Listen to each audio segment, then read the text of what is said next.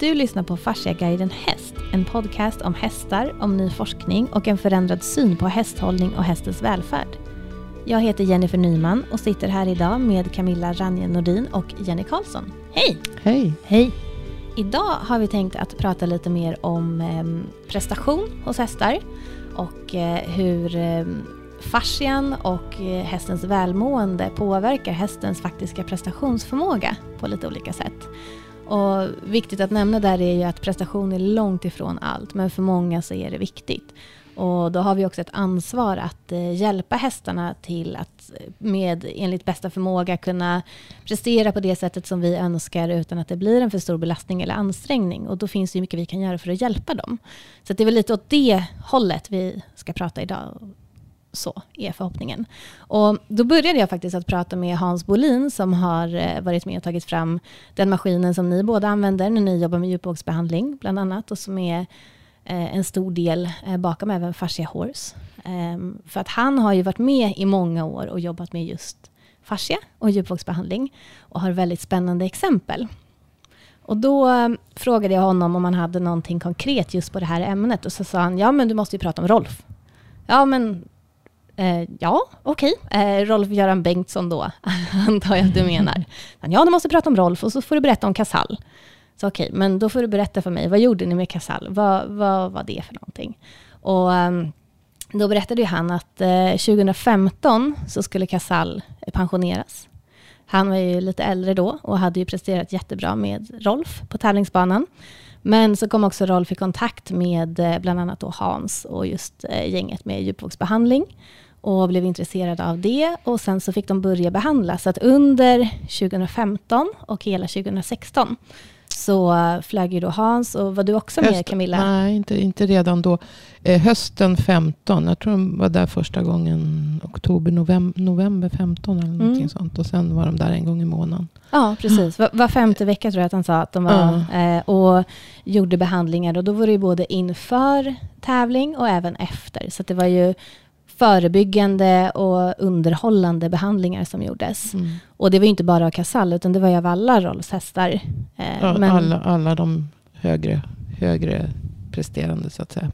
Precis, och då finns ju väldigt fina exempel. För att 2016 så gjorde ju Casall sin överlägset bästa säsong någonsin, när han egentligen skulle varit pensionerad. Mm. Han vann ju hela Global Champions Tour. Mm. Och han vann, ska vi se, tror han vann fem segrar 2015-2016 i bara GCT. Mm. Och hade dessutom eh, någon andra plats och tre tredjeplatser tror jag. Så det är ju en helt eh, helt fantastisk prestation av mm, den, hela teamet, den, den ska man väl säga. Den gamla hästen. Den gamla hästen och den skickliga ryttaren och hela teamet runt omkring. Och det, det, är ju extra roligt att höra när man egentligen har pratat om att så här, nej men du har nog gjort ditt. Och sen så säger han då att nej, men ge mig rätt förutsättningar så ska jag visa att jag kan ännu bättre. Mm. Eh, jätte, jättekul Och han, eh, jag vet att 2016 så var han också den hästen, då var han på fjärde plats av de hästar som hade hoppat in inom hoppningen då, mest pengar mm. i hela världen. Mm. Vilket ju är helt fantastiskt. Um, och, men det finns ju väldigt mycket bakom det här, givetvis. Men såklart så var ju det, det Eh, Eh, teamet som var där och behandlade en del av det. Och just att man såg till fascian. Och vad är det då som gör att om man ser till att hästen eh, har en, ett väl fungerande flöde och en väl omhändertagen fascia, då kan den prestera bättre. Men hur, varför, vad, vad händer? Eh, om vi ska prata lite vad fascia är då, så kan man ju alltså fråga de allra flesta veterinärer och läkare säger väl att, att eh, eller jämställer fascia med bindväven som är runt om alla organ. Så att säga, den här vita kollagenhinnan eh, så att säga, som man ser när man dissekerar. Och som man skär bort. Eh, ofta för att man vill titta på det mer vitala organet om man säger så. Men, men idag nu så börjar ju forskarna mer och mer inse att eh, Gimbert till exempel, som då är en forskare, en, en eh, fransk kirurg, pensionerad, men han har ju filmat människokroppen in, inuti en levande människa och sett att, att eh, man istället kanske kan säga att det är ett, ett enda nätverk av kollagentrådar Och emellan alla dessa kollagentrådar så är det ett gelflöde. Och sen sitter det då celler inpackade i de här kollagen, eh, mellan kollagentrådarna och fast i kollagentrådarna. Så varenda cell i kroppen kan man säga är kopplad till kollagentrådarna. Och istället för att se kroppen som olika organ då så kan man liksom se en samling celler som sitter i det här kollagennätverket. En samling celler som har en uppgift, som bildar en njure till exempel. En samling celler som har en annan uppgift, som bildar en lever. Och, och en samling som bildar muskler. Eller en muskel och sen samma då för alla muskler. Så att eh, det finns en forskare, eller en amerikan som heter Tom Myers som, som säger att istället för se kroppen som en enda stor muskel och så en massa fack med liksom stoppar in olika delar. Så att säga. Det, det är inte en, en, större helhet. Så att säga. Men i alla fall för att återgå till det här. Så, så är alla celler kopplade till det här kollagennätverket. Så så fort man rör sig så dras det ju i en cell, eller i alla celler. Det kommer ju dras ut och omformas så att säga. Och det ger då signaler till cellen vad den ska så att säga. Vad behövs i den här delen? Nu utsätts jag för så mycket belastning här. Så att nu måste jag bilda nytt kollagen. Och så börjar eh, få cellkärnan då en, en signal till DNA. Och så börjar bildas nytt eh, mer kollagen eller så börjar det brytas ner kollagen beroende på belastningen som kroppen utsätts för just i en specifik del. Då. Men så fort man rör sig så påverkar ju det precis hela kroppen. Men det som är viktigt här är ju det här flödet mellan kollagentrådarna. Eller allting är viktigt. Men att när man rör sig, så i och med att kollagentrådarna rör sig och cellerna rör sig, så kommer det här flödet också att, att röra sig och liksom transporteras i kroppen. Och det finns ju andra då mekanismer som eh, man har kommit på här nu. att det, det här strömmar i kroppen genom olika laddningar och så. Men det är framförallt rörelsen som, som gör att det, det blir så att säga elektriskt laddat och, och sätter igång ett flöde. Om man då tar Casall som exempel. Ja. Vad i det här gjorde att han faktiskt kunde prestera ännu bättre? Alltså att han, han fick hjälp. Var, var behandlingen då som vi utförde på honom. Jag, jag var, mm, kom med med Casall precis efter han hade eh, gjort den här fantastiska 2016. Så jag var där januari 17 och framåt. Tills han pensionerades. Men så hjälper ju då behandling liksom att få igång det här flödet mellan kollagentrådarna som jag sa. Då. Så att det är ingenting som... Alltså när kroppen blir överansträngd någonstans så fungerar det här, den här gelen så att, att då kan den liksom uh, stoppa till liksom, så att det blir stopp. Och då kommer det innebära, det är det här flödet som hjälper till att få näring till cellerna och få, få så att cellerna kan producera energi och få bort avfall från cellerna. Och som också gör att de här kollagentrådarna kan så att säga röra sig smidigt. Och hela kroppen rör sig smidigt. Och blir det då överansträngt någonstans eller det samlas mycket mjölksyra som inte för, man får ut tillräckligt. Eh, då så, så kan det här flödet, den här gelen så att säga stelna och bli mer trögflytande. Och då kommer det ta emot där. Och tar emot där då kommer det att trycka liksom ta emot när de kollagentrådarna ska röra sig. Så när hästen eh, försöker röra sig så får han anstränga andra delar mer för att få med sig den där rörelsen. Och det, det är ju sånt man kan känna ibland. Att liksom det blir bättre efter ett tag. Men vad, vad vet, Rolf sa att när han fick hjälp med den här behandlingen eh, så håller man ju igång det här flödet och han behövde inte lägga lika mycket tid på att, att så att säga få igång hästen. Så att, eh, vilket gör att slitaget på hästen minskar i, liksom vid arbetet. Då. Utan den, han var liksom, naturligtvis så värmde han ju upp, det är inte det jag säger. Men, men liksom, han behövde inte slita på hästen menar han på, på någonting som, som liksom behöver smörjas upp först. Och då, för det blir ju en, ökad belastning på alla delar i kroppen om det tar emot någonstans. Så att säga. Just det. Och, Så det du säger är att med eh, behandling och naturligtvis allt annat. Det är Ja, ju både absolut, mat och precis. träning Ja. och allting. Men, men, nu det- var det men- liksom ja, vad, vad ja. vi gjorde när vi var där. Mm. men det behandlingen gör är att den möjliggör kroppen att transportera ut rätt mängd näring till rätt ställen. Den möjliggör att ta bort onödiga begränsningar som stelhet och eh, eh, blockeringar så att hästen kan eh, använda sin kropp optimalt. Så att på så vis så Precis. ökar ju också prestationen för att du tar, liksom, kroppen kan fungera på ett bättre sätt. Den behöver inte lägga ener- energi på att mjuka upp en störning eller eh, att lederna inte glider ordentligt i början och allt sådär. Så kroppen fungerar mer optimalt, den får ut mer näring, den liksom funkar bättre, den läker och blir Alltså funkar så som det är tänkt att den ska göra. Precis. Så, så att den alltså tar emot någonstans så blir det ju så att då, då kanske man kompenserar det genom att, ja det, det vet man själv, om, om det tar emot så, så får man liksom vrida lite, kanske göra en liten konstig rörelse för att lyckas göra någonting.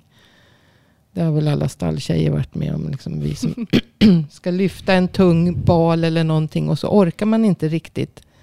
Ja, men då hittar man på någon annan liten knix så att man, liksom, man lyckas göra den där Ja, det är något typiskt häst, ja, men hästtjejer. den vi vill liksom- lösa det ändå, Ja, även om precis. vi inte kan. Ja, men alltså, jag är inte riktigt kapabel att göra den där rörelsen eller lyfta den. eh, Så, men, men jag knixar till lite så går det. Mm. Och till slut så sliter det ju där på, på kroppen. Så att någonting, och har man då någon liten, något litet motstånd, eller hästen har något litet motstånd någonstans, så kommer den också att lösa det här på, något, på ett annat sätt, som kanske inte är optimalt. Alltså det blir ingen optimal, välbalanserad belastning av kroppen. För det man vill är ju liksom att hela kroppen, alla sidor, och eh, båda sidorna, alltså alla sidor, båda sidorna ska belastas lika och liksom användas lika och liksidigt. Då, så att säga. Fast det- egentligen är det ju alla sidor. För du har ju Ja, en ja. ovansida och en Ja, undersida och en precis. framsida och en baksida absolut. också. Alla så det är alla sidor. sidor. Alla sidor samverkar. Så man skulle kunna sä- säga att har du en riktigt välmående fascia så kan du också prestera på absolut topp med minimal ansträngning utefter dina fysiska förutsättningar som du Precis. ändå har. Du får liksom inga, inga motstånd. Och, och I och med att han fick behandling typ en gång i månaden regelbundet så hann det aldrig byggas upp några större problem. Utan liksom det, han fick igång flödet. Sen naturligtvis skicklig träning och eh, utfodring och rörelse eh, överhuvudtaget. Men, och allt annat. Eh, veterinärkoller och så. Men, men han, han lyckades ju hålla kroppen. Han var ju i, i tipptopp när han gick i pension. Han vann ju då med. Ja, ja. Så, så att det, liksom det, den, den dagen han pensionerades, eller den helgen han pensionerades. Ja, vilket avslut. alltså det var, han, han var ju helt... Jag var med på slutet, sista, sista året va? Ja. Eller ett och ett halvt året. Ja. Jag tror att jag följde det bara från tv-soffan, men det var nog många, många, vad säger man, tårar i ögonen hos många människor runt om när man såg det där. Det var ju Han, fantastiskt. gick, han gick, gick i pension maj 18, var det inte så? Årtal är inte min starka sida, men det var Nej, väl någonstans där. Jag fick för mig det. Men precis som Mm. du nämnde då, att eh, det handlar ju om egentligen då en välmående fascia. Och nu pratar vi ju, kan vi förtydliga, när vi säger behandling, då pratar ju vi djupvågsbehandling som Ja. just behandlar fascian.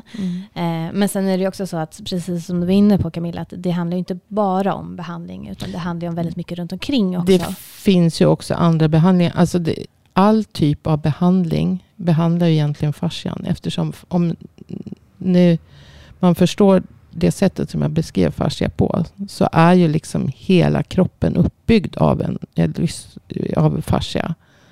Jag lyssnade just på ett fasciasymposium tre dagar här nu. Så, eh, och liksom, alltså, fascian är grunden till, till allt. Så att. Så, så att eh, hela kroppen består, består av fascia. Och det är framförallt den här lösa fascian, den flytande delen av fascian som, som ja, som är så viktiga. Att, att, för det är där motståndet börjar. Det är där det, är där det liksom tar stopp först. Och då kommer de här kollagentrådarna inte att kunna glida.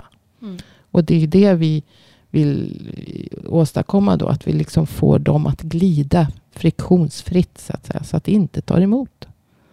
Jag tänker, Sen- sen Jenny, du då som eh, behandlar mycket hästar Mm. eh, med just djupvågsbehandling. Säg Mm. att du har en kund som kommer till dig och säger att i år är året då vi verkligen ska göra en satsning på Mm. det här ekipaget. Eh, och oavsett egentligen vilken disciplin det handlar om. Då har ju de kommit ett steg redan i och med att de eh, har en relation med dig och tar ut dig för behandling. Mm. Men du kommer ju då gissningsvis ge dem mer tips i vad mer kan de göra för att ta hand om fascian än att eh, du kommer ut. Ja men självklart. Alltså, att ta hand om fascian innebär ju inte bara att man eh, djupvågsbehandlar den eller ger en massage eller eh, la, ger en laser eller vad det nu kan tänkas vara man väljer för behandling. Utan det handlar ju också om att den får i sig rätt näring. Hur mycket den får röra sig över dygnet och hur man tränar och vad man tränar och på vilket sätt man tränar. Och, eh, så att det är så svårt att säga att ja, men om du bara får djupvågsbehandling en gång i månaden så kommer din häst prestera på topp. Så är det ju inte. Utan det är ju liksom bara en liten pusselbit utav många saker som måste till för att din häst ska, och du själv främst. Och det skulle jag ju verkligen vilja säga att eh, din häst är ju aldrig bättre än hur sned du själv är. Så att eh, har man ambitioner av att faktiskt träna och tävla, eh, eller egentligen överlag, oavsett om du rider i skogen, och du själv är jättesned så kommer din häst alltid vara sned. Eh, så att man måste ju liksom inkludera sig själv i det här också. Om man nu eh, vill ta hand om sin fascia på bästa sätt.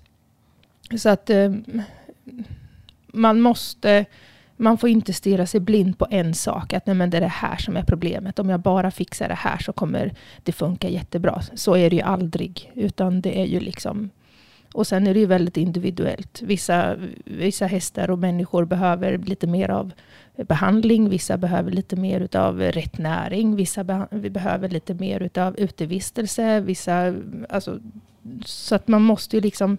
Så när jag åker ut så, det så ställer jag ju fem miljoner frågor ungefär om eh, vad man vill och hur man gör och hur hästen beter sig och vad den äter och hur den rör sig. Alltså jättemånga olika eh, frågor just för att få ett, en uppfattning om vad som kan tänkas behöva kompletteras eller ändras eller plockas bort för att det ska bli så optimalt som möjligt för just den individen eller det ekipaget ska man väl säga.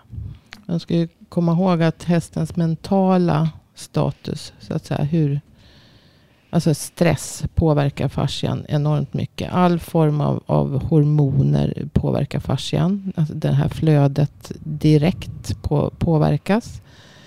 Eh, och eh, ja, stresshormoner och även andra hormoner. Så könshormoner. Och, så att jag menar brunst eller inte brunst om det är ston påverkar också.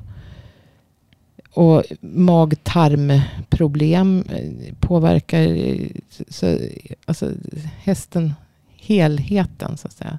Sen eh, tänkte jag, mm, under tiden här Casall fick hjälp så var ju också att Roffe fick ju hjälp varenda gång Casall fick behandling så fick Roffe behandling. Jag tänkte faktiskt nämna det, för det var också någonting som eh, när jag pratade med Hans om ert äventyr där eh, hos, eh, hos Rolf. Eh, just att vi som hästmänniskor generellt är det ju så att vi kan leva på knäckebröd och vatten. Bara hästen får rätt foder och vi ser till att lägga alla våra pengar och all vår tid på hästen och prioriterar inte oss själva på något sätt överhuvudtaget. Och det är ju oftast den mentaliteten, att men jag klarar mig, jag ser till att min häst mår bra, jag klarar mig. Men jag fick i alla fall en liten tankeställare, för då sa han det att så här, men om du tar hand om dig själv, så kommer du också få en häst som mår bättre för att du tar hand om dig själv. Så att egentligen, så om man då som ryttare faktiskt prioriterar att även ta hand om sig själv, Mm. så gör man hästen en tjänst. Absolut. Absolut. Och då även, in, alltså inte bara dig själv som kroppsligen, utan även hur du mår rent psykiskt. För en häst läser ju av dig jättefort. Och om du kommer in springandes i stallet och är jätteupprörd eller stressad, eller vad det nu är, då för ju du över det på hästen också. Så din stress blir ju hästens stress. Mm. Så det är Du kanske bara ska ut och promenera med hästen den dagen. När du, mm, alltså om man nu mår psykiskt dåligt eller stressad eller så. Men för att hästen gör ju att man själv mår bättre också. Mm.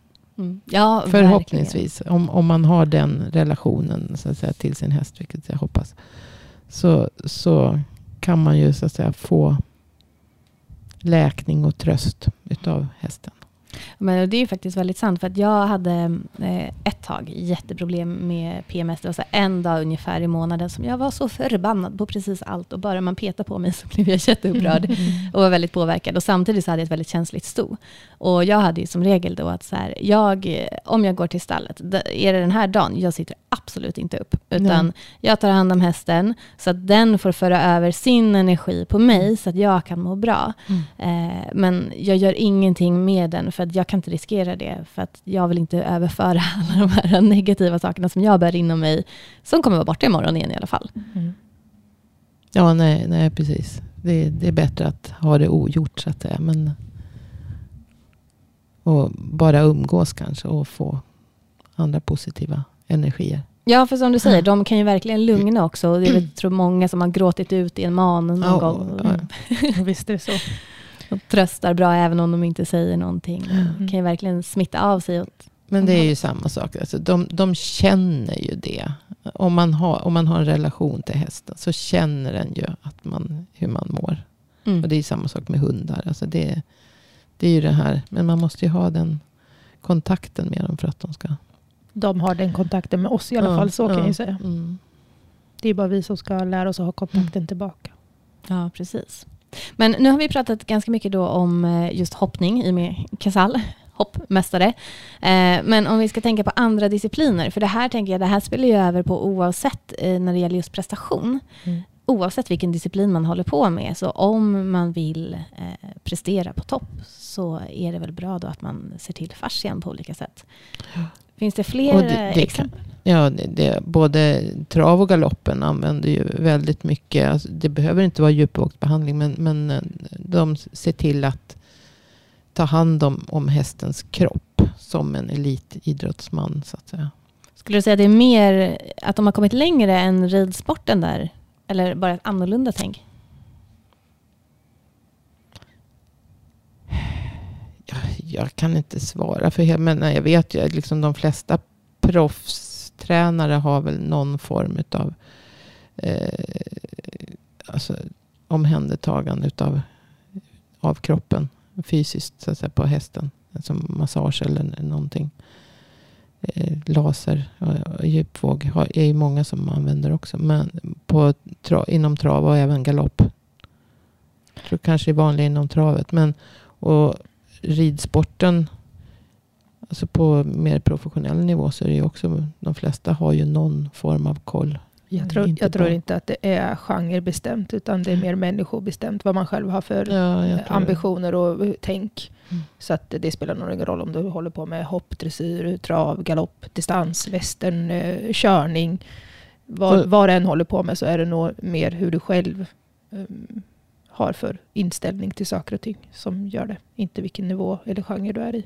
Men just att man, att man måste se hästen som en, en atlet, så att säga. En, en elitidrottare att ta hand om. Det är ju helt självklart att man tar hand om en fotbollsspelare eller andra idrotter. Men, så att säga. men sen är det ju så, det är ju faktiskt inte bara elitidrottarna, alltså Nej. atleterna. Och så, alltså jag, jag har ju lika mycket kunder som eh, tar ut mig för sin häst som de rider i skogen. Ja, eller, så absolut. Eh, de, de, behöver det lika väl. Ja, visst är det så. Så, att jag, så, så det är ju inte vad du gör eller vilken inriktning du har. Utan det är ju liksom hur mån du är om din häst. Alltså vad du själv har för inställning. Och dig själv framförallt. Mm.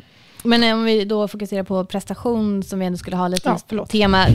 Nej men du har helt rätt i det du säger. Men just här skulle vi prata lite prestation. Mm.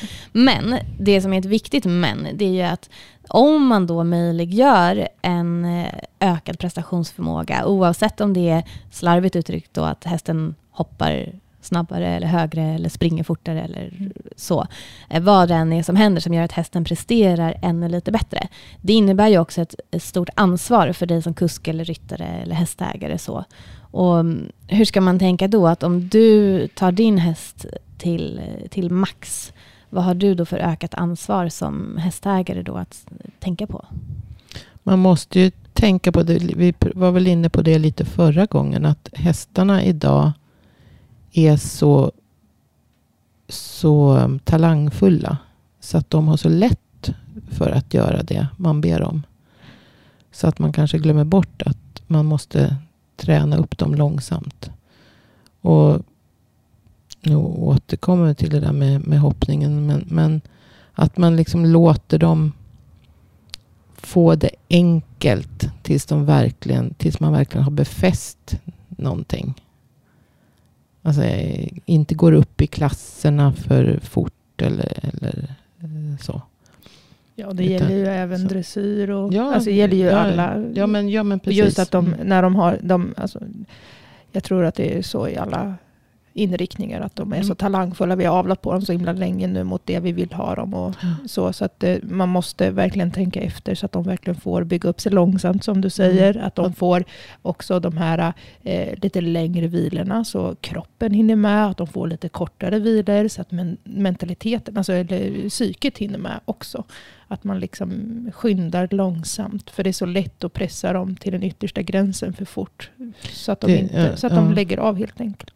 Det är så lätt. Jag, jag brukar eh, säga det. Men det, det du gör för mycket. Eller någon gång gör för mycket. Kan du aldrig få ogjort.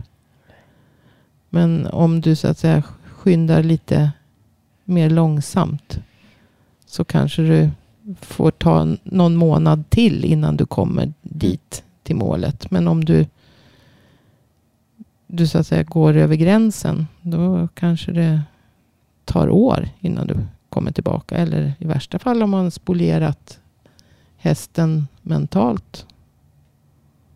Så att man Mm. liksom, alltså, en- häst kan ju bli utbränd. Mm. Alltså det, Ja men det Om- pratar om- man ju om ja, ibland, att nej men den ja. här har blivit bränd. Så ja, den jo, ska och, bara... och då, precis som vi då. Alltså den, om man eh, för snabbt ger den för svåra uppgifter. Det går jättebra i början men sen helt plötsligt så, så gör det inte det. Då kanske man har, man, man går för fort fram så att säga. men en, Och det är eh, lätt att göra med en talangfull häst. Oavsett om det är trav eller eh, galopp eller dressyr eller vad det är. Går det tror ni att eh, bedriva en eh, sport med prestation på det här sättet utan att det blir en bekostnad på hästen? Självklart tror jag det. Men, men det gäller ju att man faktiskt inte... Jag tror att om man alltid ser till hästens förutsättningar, att man, man lägger prestationskraven där hästen faktiskt kan prestera. Och att man inte... ehm, det är så lätt idag att vi försöker få dem att prestera lite till och lite till och lite till och lite till tills det inte går längre utan man faktiskt har rimliga krav på vad en häst ska prestera. Så Mm. är det klart att du kan göra det. För det har ju nästan blivit lite som att prestation, det är antingen någonting väldigt fint eller någonting väldigt fult. När man pratar om att ja, men, eh, den här presterar verkligen på topp så blir man hyllad och så för att det går väldigt bra. Eller att man säger att ja, men jag vill verkligen få den här hästen att prestera och då är det mer ja, men hur tänker du ur hästens välfärd och sånt. Mm. Att man hittar någon balans Mm. i att eh, prestation inte är något fult men att man gör det på rätt sätt i så fall. Ja, och där, har, där är det inte bara den enskilda tränaren eller den enskilda, den som bestämmer om hur hästen ska prestera. Det är inte, utan det är ju liksom hela samhället runt hästsporten som måste vara med och bestämma det här. För att eh, om man tittar på 20 år av prestation tillbaka så hoppar vi större hinder, vi hoppar eh, svårare banor, vi springer fortare, vi, allting liksom, man ökar liksom kraven lite, lite hela tiden. Det är tekniskt svårare banor också. Ja, men precis. Och, måste- och jag menar, de ska... Och dressyren är ju likadan. Det ska presteras mycket tidigare, det ska presteras mycket högre. Det ska, och så. så att man måste liksom kanske in, alltså stanna någonstans. Men jag, sa, jag pratade just igår kväll med en, en tränare i hoppning. Ehm, och det var lite det jag var inne på förut. Att, att eh, om, om trä, tränaren blir för tråkig när hon säger saker som inte eleven vill höra. Så att säga. För, för eleven vill fort få resultat. Och även lite i värsta fall föräldrarna är lite Mm. på. Och hon, hon beklagade sig just över det. Det var hon som kom in på det själv. Så att, eh, eh, just att det var lite tråkigt att, att eh, hon hade fått flera elever och föräldrar emot sig. Just att, att hon, hon tyckte att ja, men, se till att hästen, även om du har kvalat upp, nu gäller det ponnyryttare det här, men det spelar ingen roll, unghästar och eh, framförallt. Men just att du efter två felfria har kvalat till en högre klass. Bara för det så är du inte redo att gå upp i en högre klass efter två felfria. Nej. Så det, det är ju där någonstans, nu sa hon att hon brukar säga till, för jag sa det, en, fe, en felfri runda, det kan vara en jättebra runda med fyra fel. Varför Mm. kan inte den också räknas som, som alltså ta, Ja, det kan ju vara Eh, bättre än en ja men runda absolut. Så, så liksom, nu är vi åter på hoppning, men det var för att hon, hon var hopptränare. Men det är väl men- samma men- inom dressyren också, du kvalar ju på procenter. Ja, Har du ridit på procenten en gång så betyder inte det att du precis. kan gå upp en klass. Så hon, hon brukar säga till sina elever att minst åtta, helst tio felfria eller fyra fel. Mm. Alltså det får inte vara olydnad, det får inte vara stopp, utan det ska vara rivn, Men- lätt, lätta rivningar. Innan hästen och, och du går upp i, i, på en högre nivå. Men det ska väl alltid vara men- så att det ska kännas enkelt. Ja, hästen Och måste, stabilt. Men, Hästen och, det måste det, känna det enkelt. och det är det jag menar, det är ju liksom ett helt samhällsansvar, eller Mm. hästsportansvar för att tränaren måste säga liksom att du kan inte gå vidare. Alltså man måste hålla på en nivå tills det är stabilt. Föräldrarna måste, och den som rider måste ha samma inställning att det ska ta den Mm. tid det tar innan det är stabilt. Och Mm. de domarna som dömer de olika måste också ta sitt ansvar Mm. att nej men det här är inte eh, hållbart. Det här är inte tillräckligt stabilt. Så det är ju så många instanser som måste ta Mm. samma ansvar för att vi ska kunna förändra det. Men i det här fallet nu då så, så, så blev det ju så att ja, men då slutar eleven och då byter Mm. jag tränare. Som sagt, ett sam- eller hästsportansvar. Mm. Så därför så är det, ju- det är ju Ridsportförbundet som måste, men, men vi pratar just nu, de har väl, det är väl på förslag eller om det är bestämt. Eh, att det ska, man har begränsat eh, antalet starter per månad. Då. Jag har inte följt det. Nej, det jag har väl varit lite, för vi, pra, vi sa, sa det, hon, hon trodde att de, det var på förslag i alla fall, att det skulle ändras till två helger per månad. För som det är nu får du starta, du får starta en, en ung häst varenda, en fyraåring, du kan starta varenda helg. Och, från första april. Där skulle jag också Mm. vilja lägga in att det handlar inte bara om unghästarna, även om det Nej, är nej, ännu nej, viktigare där. Mm. Utan alla hästar, alltså även om den är lite äldre, så kan den ju starta hela tiden. Även fast den inte är förberedd för Mm. det överhuvudtaget. Mm. Och det ser man ju på tävlingar runt om hela tiden. Ehm, Ekipage som inte borde vara där de är. Där man borde backa bandet lite grann, både för hästens skull och för ryttarens skull. Och då tänker jag så här, vad är det som gör att prestation ofta blir lika med tävlingsmaskin? För att du kan ju ha en häst som du kan sitta hemma och göra piaffer och passage och bara njuta eller hoppa en jättehög eh, kombination och tycka att det känns så lätt och det är så kul och det är så häftigt. Men den kicken eh, är ju någonstans då inte tillräcklig, tänker jag. I och med att man också då, att det är tävlandet som blir ett problem i det här fallet lite grann då. Ja. Det är så mycket som kommer in mer Eh, i själva tävlingsmomentet än bara, och, eller bara bara, men i, än att eh, bara träna hemma. Jag menar, du förändrar ju liksom i rutinerna, du lastar din häst. Eh, och som, alltså du orsakar ju olika typer av stress i ett tävlingsmoment. Du förändrar ju liksom ganska mycket. Framförallt om du till exempel åker på meeting. Då är du borta flera dagar. Ehm, du byter miljö på hästen, du utsätter den för en transport och det är andra träningsmöjligheter, det är andra eh, rörelsemöjligheter, många gånger också andra foder, eh, andra underlag. Alltså, och du själv är stressad för du är nervös och du vill prestera och du äter dåligt, sämre kanske, du sover sämre. Alltså det är så mycket du förändrar under, eh, under tävlingssammanhanget. Så att och ofta upplever jag att man förbereder både sig själv och eh, sin häst alldeles för dåligt för att ge sig iväg på tävling. Man tränar inte på att åka, man tränar inte på att vara borta, man tränar inte utan man tror att det ska fungera precis lika bra den dagen man åker och tävlar som det gör när man är hemma och tränar. Men det där är ett jättebra exempel för att vi pratar ju om välmående fascia och Mm. prestation. Ja, Så att nu nämnde du eh, massa olika saker Ja. som egentligen då indirekt eller direkt påverkar fascian. Ja. Som gör att det kan funka jättebra på hemmaplan men sen så blir det någonting som händer. Och det kan eh, hänga ihop då med fysiskt allt möjligt. Så vad kan man tänka på då? Hur kan man förbereda? Om man nu vill ut och tävla till exempel för att man har en häst som presterar bra. Hur kan man hjälpa den? Så att det blir så lite stress som möjligt. Som du Camilla sa påverkar också fascian jättemycket. Och så att, Allt det Alla här som faktorer. hon rabblar blir är ju stressfaktorer. Mm. Alltså det påverkar ju. så hur kan man förbereda hästen på bästa sätt? Ja genom, att, alltså, genom att dels så utsätta den för det den ska kunna hantera. Men du måste göra det alltså, Med lätta krav. med lätta krav och kanske en sak i taget. Kanske börja med att eh, ut och åka med den så den är van att åka transport. Att den känner sig trygg med att åka transport. Eh, sen kanske man ska åka till någonstans där det är lite stojigare och stimmigare så den får eh, vänja sig vid det. Ehm, så att man vänjer in en sak i taget. Ehm, och inte tar alla saker på en gång. Och sen eh, att du kanske jobbar mentalt med dig själv så att du själv håller dig lugn och stabil och vet vad du ska göra. Ehm, Precis, för att är du själv stressad och uppjagad, det, är ju alltid lite eh, stress och, och spänningsmoment över en tävling. Ja, visst är det så. så då, Jag menar bara själva lastningsmomentet brukar ju få Ja. de flesta att balla ur. Man kan ha en människa, som, och det här, jag, det här har jag studerat jättemycket, hur folk lastar sina hästar.